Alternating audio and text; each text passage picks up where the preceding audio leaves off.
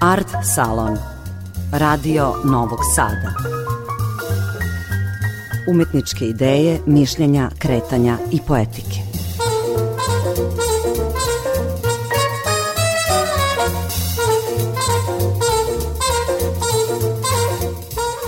Na poziv ogranka Srpske akademije nauka i umetnosti u Novom Sadu i organizaciji Novosadske akademije umetnosti, gost večeri u Platoneumu bio je Boris Liješević. Liješević je reditelj koji je od prvih postavki pre 20 godina osvojio publiku toplinom, iskrenošću i doživljajem teatra u kom je zbivanje na sceni jednako važno kao i ono u publici. Srpskom narodnom pozorištu u Novom Sadu ostavio je već na početku karijere neke antologijske predstave Gretu stranicu 89 i Zverinjak koje je režirao kao i Nahoda Simeona i Galeba u kojima je bio asistent reditelju Tomiju Janežiću. No svakako bi trebalo pomenuti i rad u pozorištu mladih, bar komad Jare u mleku.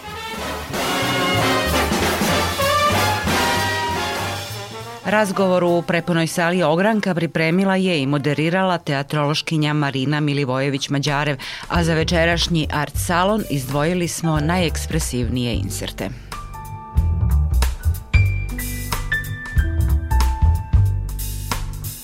Boris Liješević je već 20 godina pozorišni reditelj. Režio je diplomirao na Akademiji umetnosti u Novom Sadu u klasi Bore Draškovića. Danas na toj akademiji predaje glumu. Podstrek za bavljenje pozorištem dobio je sasvim prirodno u porodici. Pre režije studirao je i srpsku književnost na Filozofskom fakultetu u Novom Sadu meni je Bog dao tu priliku da, ne da ja dolazim u pozorište kao gledalac, nego da pozorište dođe meni u kuću kao majka, kao e, porodica. I sad postoji ono, e, ona priča da, da djeci pozorišnih ljudi, da li je teže ili, ili lakše, ili ih prati uvijek neki, e, neki biljeg. I ja sam nekako dosta o tome u životu razmišljao i bunio se protiv toga da bih u nekim tako recimo srednjim godinama kad čovjek počinje se miri sa sobom i sa godinama koje su prošle shvatio da, da to ipak e, nije neka mana, nije prepreka to što je majka bila direktorka tog festivala i što su iz naše kuće na neki način potekle neke od tih predstava. I pitao sam se zapravo da li je moja želja za bavljenjem režijom autentična. Da li je autentična moja, kao što je kod nekih drugih reditelja jel, koji koji su se samo obreli u, pozorištu. Kao što se, na primjer, Jagoš Marković nije, nije imao nikoga, nego je došao u 12. godini i zakucao na vrata gradskog pozorišta i rekao, dobar dan, dajte mi da režiram.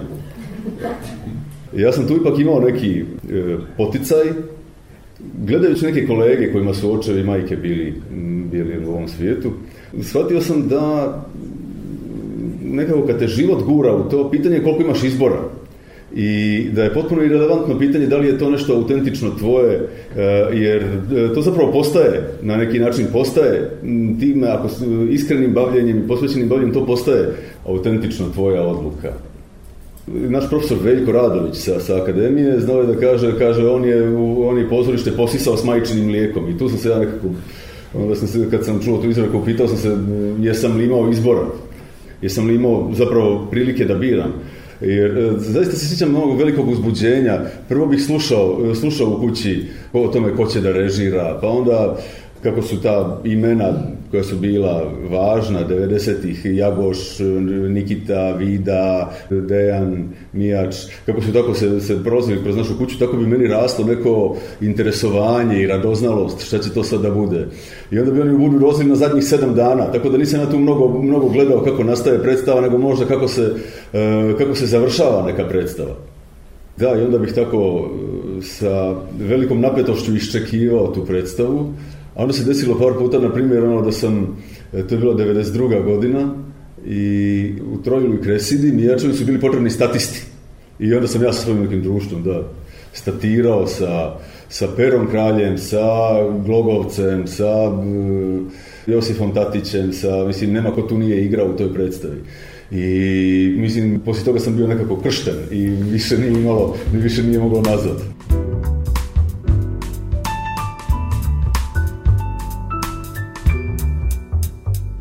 sam nešto ovo nekako odmah otišao, 95. na prijemni u Beograd gdje sam pao i toliko sam se naljutio na sve da sam rekao ja e, neću, neću, ono što kaže e, Maša u Galebu, iščupat ću ja tu želju i srca.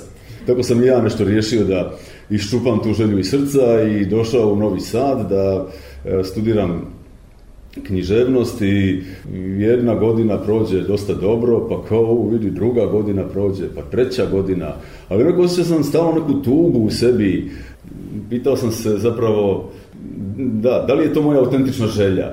E, sad ću ja nekako provjeriti, ću sebi vremena koliko god treba da, da, da provjerim da li ja zaista time hoću da se bavim. I nekako sam dao tako 3-4 godine. E, Diplomirao si? E, sad ću to da kažem.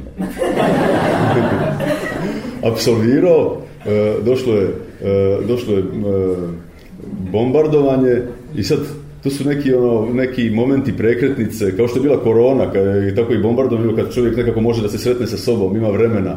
E, I tad sam se pitao, nešto 24 godine već, da li ja stvarno hoću da studiram režiju ili ne, i onda sam samo čuo u sebi da, da, da, da, i onda zapravo kad sam otišao na e, studije režije, kao da je počeo neki, neki novi život.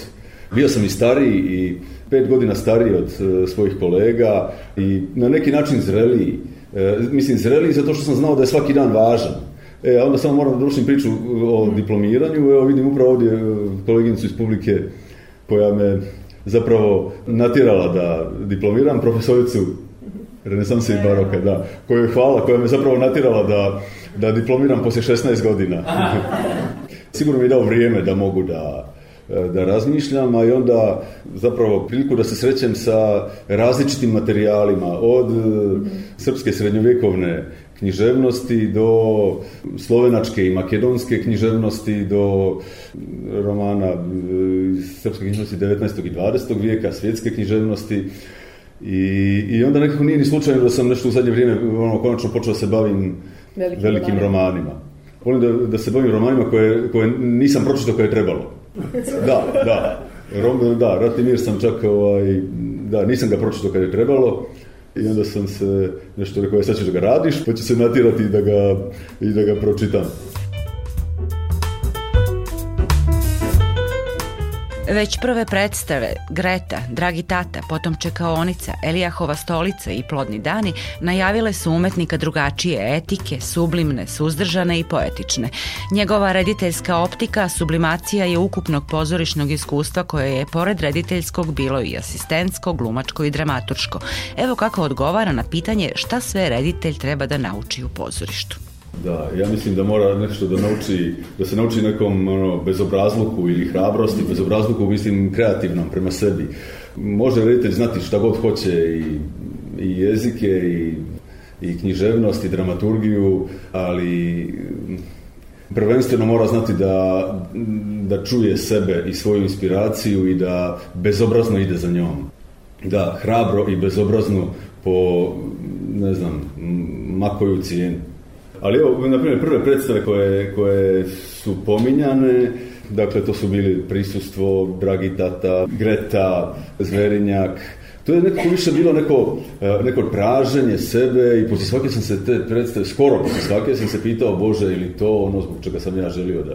Osjećao sam strašno ono nedostatak, neki prazninu. Kao da, da nisam uhvatio moment kreativnosti, nego kao da samo reprodukujem nešto. Mhm. Kao dobijem tekst i onda ga nekako ga uprizorim tu građu u prizorim. Bol sam neki osjećao poslije svake od te predstave. Sve dok nije došla ta čekaonica i taj dokumentarni teatar, nekako imam utisak da je, da je od te predstave ili sa tom predstavom sve počelo, da mi se dešava što treba. Sa zadovoljstvom moram da primim da je predstava još uvijek na repertoaru u ateljevu 212, ovo je ja mislim 14. godina. Prošli ili pretprošle godine je bilo to 200. to e, jubilarno kao izvođenje ali nažalost vidimo da, da, da, je ova terminologija još uvijek aktuelna i prisutna i minimalac i ko, ko, može da kaže šta je minimalac i ko može meni da zabrani da ja vama dajem minimalac ili da žena s malim djetom radi treću smjenu. Mislim da je ta predstava bila neki prvi moj onako, proboj, ali ne mislim proboj na, na nekoj sceni, nego, pro, nego neki proboj kroz sebe, kroz kreativnost, kroz e, strah. Zapravo sam čitao neki komad koji se zvao Čekaonica Njemačka, koji je pisao Klaus Paul, eh, ali to zapravo nije bio ni komad, nego skup nekih intervjua koji je on radio za neki špigel, recimo, ili tako nešto, i onda od toga to sastavio te intervjue i rekao ovo je kao pozračni komad i to su jednom izveli u Royal Courtu, eh, ali ja sam ga na sajtu Getty instituta pronašao, a do tad sam radio te, do tad sam radio na 7 sam predstava tih, hajmo, reći, konvencionalnih. Koliko mi se to radilo, toliko me i plašilo da krenem nekim neutabanim stazama.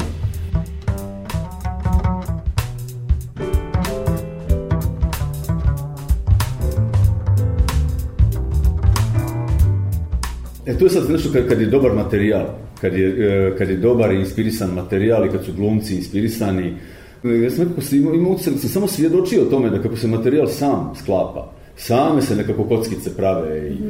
kako se nekako predstava nudi, kako se rješenja nude. Nude, samo treba da ih, da ih vidim. I tad sam u stvari počeo da razmišljam o tome da je zapravo neki grupni proces i da nisam ja vlasnik tog procesa kao reditelj, nego da, nego da ja na neki način vodim taj proces, ali da moram biti užasno otvoren za to što se događa u grupi toj, u procesu. I tako je nekako nastajala predstava i mislio sam, evo, došli smo kao do predpremijere, ali sad će kao sad će doći publika i reći šta, čime se vi ovo bavite, ali nema veze, ajde. I onako ništa do sad nije napravio, pa i ovo ćemo mu nekako oprostiti, a i ako bude živjela ono, dva, tri izvođenja, ni prva, ni posljednja, pa... I sad dođu neke kolege i počnu da reaguju sjajno, divno.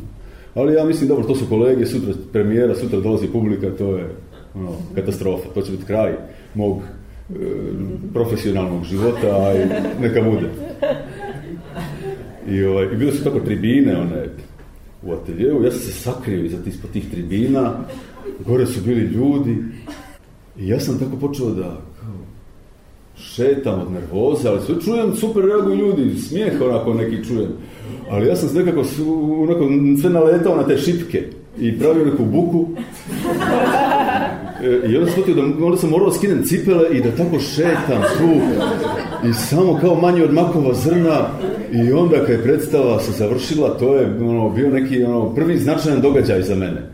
I kao prvo nešto novo što se dogodilo na našim scenama i u mom životu i kao prvi put da su ti ljudi, e, ti ljudi koje srećemo po birojima, po fabrikama, da su oni dobili mjesto na svojoj sceni. Mislim, možda nije prvi put, ali ali se na taj način nekako ljudi su sjetili da im je predstava jako bliska jer u njoj vide ljude koje znaju. Tad sam nekako da, shvatio da treba biti ono, otvoren, da treba slušati sebe, slušati strah taj i ići u pravcu straha u susret strahu u životu i u, u radu u stvari. Mm sam pročitao neku rečenicu koja mi je strašno značila, ona Kenneth White. I taj Kenneth White je rekao kako e, treba skrenuti sa autoputa istorije. I meni je to skrenuti sa autoputa bilo wow, jer onda kad skreneš, onda ideš ne znaš ideš, ali otkrivaš novo, otkrivaš neku, neki novi put, neku novu zemlju. Da, i od tad sam nešto se tako ohrabrio da, da, da, slušam sebe, slušam inspiraciju. E sad, to nekad ne ispadne sretno.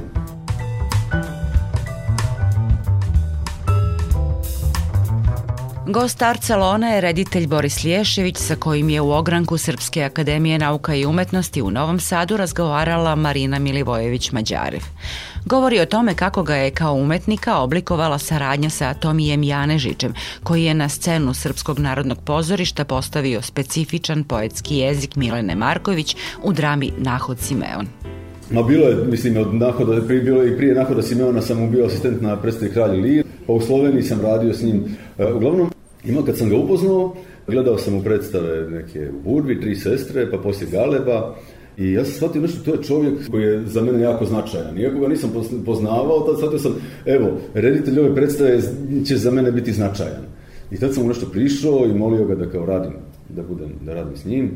Dosta godina, jedno deset godina sigurno radio, prije čekaonice sigurno dosta. I dešavalo se, na primjer, da, da uhvatim sebe kako ga kopiram u radu. Kako, kako glumim ono malog Tomija. Kako sad i propadao bih ono slav, neslavno bih propadao kad bih, kad bih to, kad bih, poku, kad bih nesvjesno pokušavao da pravim takve predstave, a nekako od toga se, toga se ne može otrgnuti. Teško je to prepoznati pa reći ne, ne, ovo je njegov utjecaj, a gdje je moj, a moj nema, moj ne postoji, mislim o tom. I neposredno nekako prije čekaonice i Elijahove stolice se, se utisak da se to e, iskustvo rada s njim, da je, da je nekako se sublimiralo i da, da sam ga na neki način kreativno preradio i da sam pronašao sebe u tome i da sam progovorio svojim glasom. I kad se to desilo, u stvari, ja sam doživio neku ono, kao, kao larva, jel, kad izleti leptir. E, tako neku kreativnu eksploziju onda sam svjedočio raznim nekim ljudima koji, koji bi radili sa njim, koji bi isto tako poslije određenog broja, poslije određenih godina doživljavali te kreativne eksplozije. I sad nedavno smo razgovarali i ja kažem, reko, počeo sam da vodim dnevnik ljudi koji rade s tobom i da ih pratim. I da čekam njihove kreativne eksplozije. E, zato kad kažu za nekoga puno je asistirao, ja sam puno asistirao, ali sve to nekako mislim da mogu onako, da, da sam mogu da zaboravim, da e, sve do tog rada s njim. Zato što je on bio čovjek koji kod koga asistenci, asistiranje ne podrazumijeva to da nešto neko kao donosi kafe i da vata zjale, nego aktivno učešće. Nekako i, i, baciti odgovornost na. Ti kao asistent se odgovoran za predstavu. To se pokazalo u niz budućih e, navrata kad kad sam ne samo asistirao, nego kad sam morao da uskačem u njegove predstave, e, na primjer Nahod Simeon, dva dana do premijere kad, bi se, kad se glumac razbolio. Uglavnom, tako je, e, time što je mnogo očekivao od mene, da, dao veliki zadatak, ja sam neke neki učio. u Nahodu Simeonu sam, je bio to da se glumac povrijedio, Stefan Šteref, glumac iz Bugarske koji je igrao na, Simeona, nešto je kičmu povrijedio, a reditelj onako kako je zadnjih dana bio sam fokusiran tako jako na taj materijal, onda ga je stalno ubjeđivao da to nije, da su to njegovi otpori, kao da on nije povrijeđen nego da ima otpor u glavi, da on to moraš da mislim, napuko sve, ali on se mučio, nosio pokojnog Vladislava Kaćanskog i tako se još više povređivao dok nije na nekoj probi pao i oduzela hitna pomoć i tu, smo vidjeli svi da nisu otpori, nego da je, nego da je ozbiljna, ozbiljna povreda. I sad je bilo kao, 5-6 dana do premijere, ko će da igra i kaže, to mi ne brinite se ništa, kao, e, sve vrijeme ga ja markiram glavnog glumca. Hoće, ne, on nikome ne odgovara. Uglavnom, treba da bude premijera i poslije dva dana premijera na srednom pozoru. I to mi kaže, evo, ja ću igrati premijeru, ali ja poslije toga ne mogu da igram. Jer moram, moram se vraćati u Sloveniju. Kako kažu, pa dobro, ali festivalska premijera, to je još važnije nego ova prva, zato što je Sterino pozori, ko producent, ko će igrati? I on kaže, Boris će igrati. šta kažeš? Ono, da, da, ti ćeš igrati. To je bukvalno dva dana bilo. Kao, ja jesam e, to markirao, ono markiranje znači kad igraš umjesto glumca, ali samo proziš kroz njegove pokrete da bi ostali mogli da vježbaju. I onda u dva dana moja žena za tekst i dva dana me neprestano preslišavala i kad bih vozio, morao sam za dva dana da naučim da vozim motor i cijeli taj mizansen i tako onda sam bio nešto užasno ponosan. Najponosniji sam bio što je Milena Marković pričala kako sam ja najbolji nahod od tri nahoda koje je gledala Stefan. Kasnije se vratio Stefan. Da. A to je bilo stvari divno iskustvo.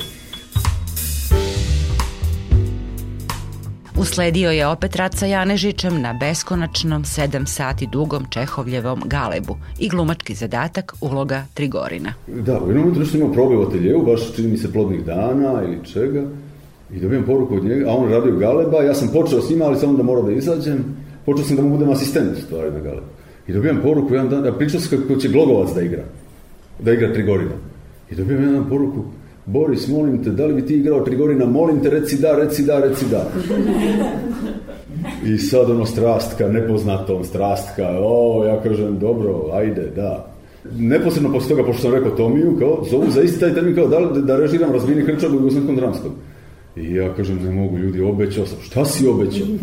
Pa rekao, obećao sam, ne smijem da im kažem, ja znam šta će da radi. Ja kažem, obećao sam, šta, gdje ćeš da radiš? Pa rekao, radit ću u snp Ma, možeš misliti SNP kao, šta ćeš da radiš u snp Pa kažem, Gale, pa zar ne radi to Tomi? Pa kažem, radi, pa šta ćeš ti onda da radiš?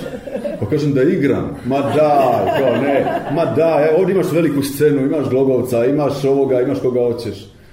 ja kažem, znate, ali ja sad njega kad bih prevario, to mi bilo kao da sam izdao Boga.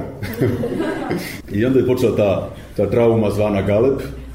Ovaj, i to neprestano slušanje svojih replika koje zvone prazninom, ali zapravo neko, neko iskustvo za cijeli život, iskustvo ono, borbe sa sobom, borbe sa materijalom, sa... I, i toliki sam pritisak imao, toliko mi je to bilo sve strašno na tom galevu, toliko teško, kažem, traumatično, jer sam stalno, nisam imao pomoć, ni otkuda, Imao sam utisak da sam ostavljen, da niko ne radi sa mnom, a ja nisam glumac i očekivao sam sad bi trebalo, sad će svi meni posvetiti pažnju, međutim niko svako svoju brigu brine. A oni je neprestano tražio od mene da u drugom činu napravim, moram da napravim performans. To je onaj drugi čin kada oni slikaju one slike nalik na rotka. I perfor, ja što god nam mikrofon pa nešto izigravam. On, ma nije, ti glumiš, ti ovo, ne treba, treba istinski performans, istinski performans i to je toliki bio pritisak ono na meni da sam ja dočekao prvu publiku, a da nisam znao šta da radim i treba da izađem na scenu i samo čujem njega što će mi govoriti poslije. I pita se što sam pristao, što sam lijepo tamo režirao u Jugoslavskom dramskom, što mi je to sve trebalo. I krenem na scenu, taj drugi čin, i samo vidim ruke moje koje skidaju odjeću i skinem se go. Go. I samo shvatim šta sam ura, ono, uradio i vidim ljude koji me gledaju tako i kolege koji nisu i njega, sve tako ozarenog, srećnog. Svi, e, da, ali kao, ja shvatim, a to je, e, sad, sam šok, to je šok, to je performans, to je nešto sam, nešto sam sad napravio, ovaj, ali što ću sutra? Sutra to već neće biti šok.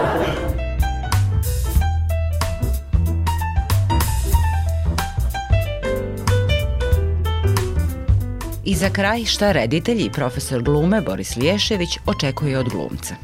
Pa ne znam, mislim, za mene svaki glumac drugačiji e, i drugačiji i sličan. Šta očekujem? Ne znam šta očekujem od glumca. Mhm. Očekujem da bude kreativan i otvoren i da, i da se ne zatvara u... E, u stvari, ili, kako kažem, očekujem da odbaci sve. Sve što, što zna i da krenemo, da kad krenemo u proces, krenemo zajedno u novo nešto. Ja, čest, ja nekad imam e, utisak da, e, da je kod nas pozorište malo pogrešno. Ne pogrešno, nego da nekako nije updateovano, nije se osavremenilo. Mi hoćemo moderno pozorište, ali pitanje je kako se do modernog pozorišta stiže. Mi hoćemo da, da predstave budu drugačije, a proba, proba nam nije drugačija. Probe su sedam dana za stolom i kad već ljudi ne mogu da više da sjede jer su se ukočili onda kao ajmo sad da pravimo bizanstven. Tako se, e, tako se stvaraju predstave koje su nastajale, ne znam, 50-ih, 60-ih godina. Mi dalje pravimo predstave kao za Matu Miloševića i Miroslava Belovića. I mislim da, čak sam, vjerovali ne, u toku korone, e, ono, počeo da pišem knjigu o tome i naravno ostala je na prve dvije stranice. E, ali, ali zapravo pojenta, bila proba kako treba probu transformisati. Doživljaj probe, onoga što treba na probi da se desi da bi predstava bila drugačija. Predstava ne može biti drugačija ako se radi, ako se radi na klasičan način. A kod nas je nesklad između, eh, između tih eh, očekivanja i, i shvatanja.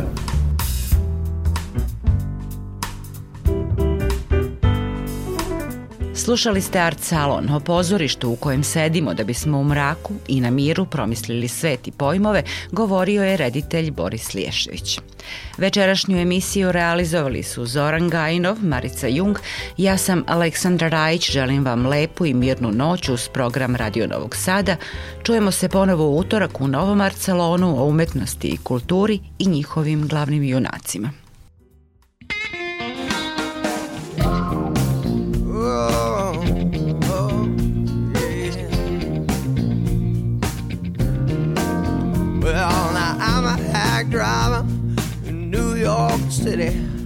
I've got seven kids, the Lower East Side. I'm not a strong man, I'm not very pretty. But in rush hour hell, you should see me drive. See me drive. You should see me drive. I'm a dressmaker in Louisiana. I stick my finger ashamed. People come haggle for some grand tomorrow. Don't worry about me, drop by now and then. Don't worry about me, just drop by now and then. strange it seems to be.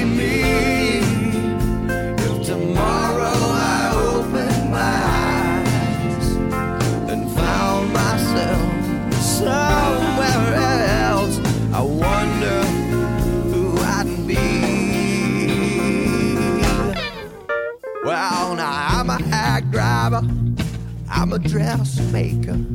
I'm Big Brother, watch you listening to me. I'm someone's sister, could be your mother, your significant other, longing to be free.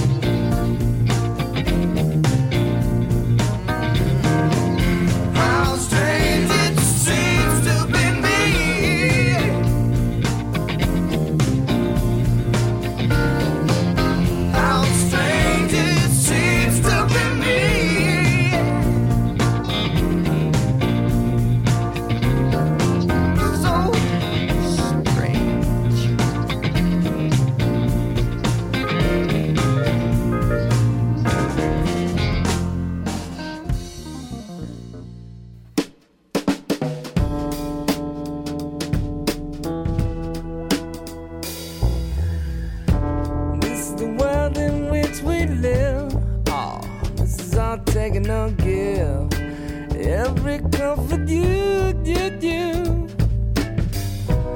Only gonna do you blind. Whole lot of people can't see that high. Uh.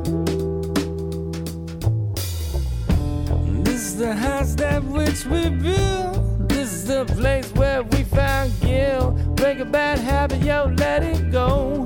Harder still, you know. start to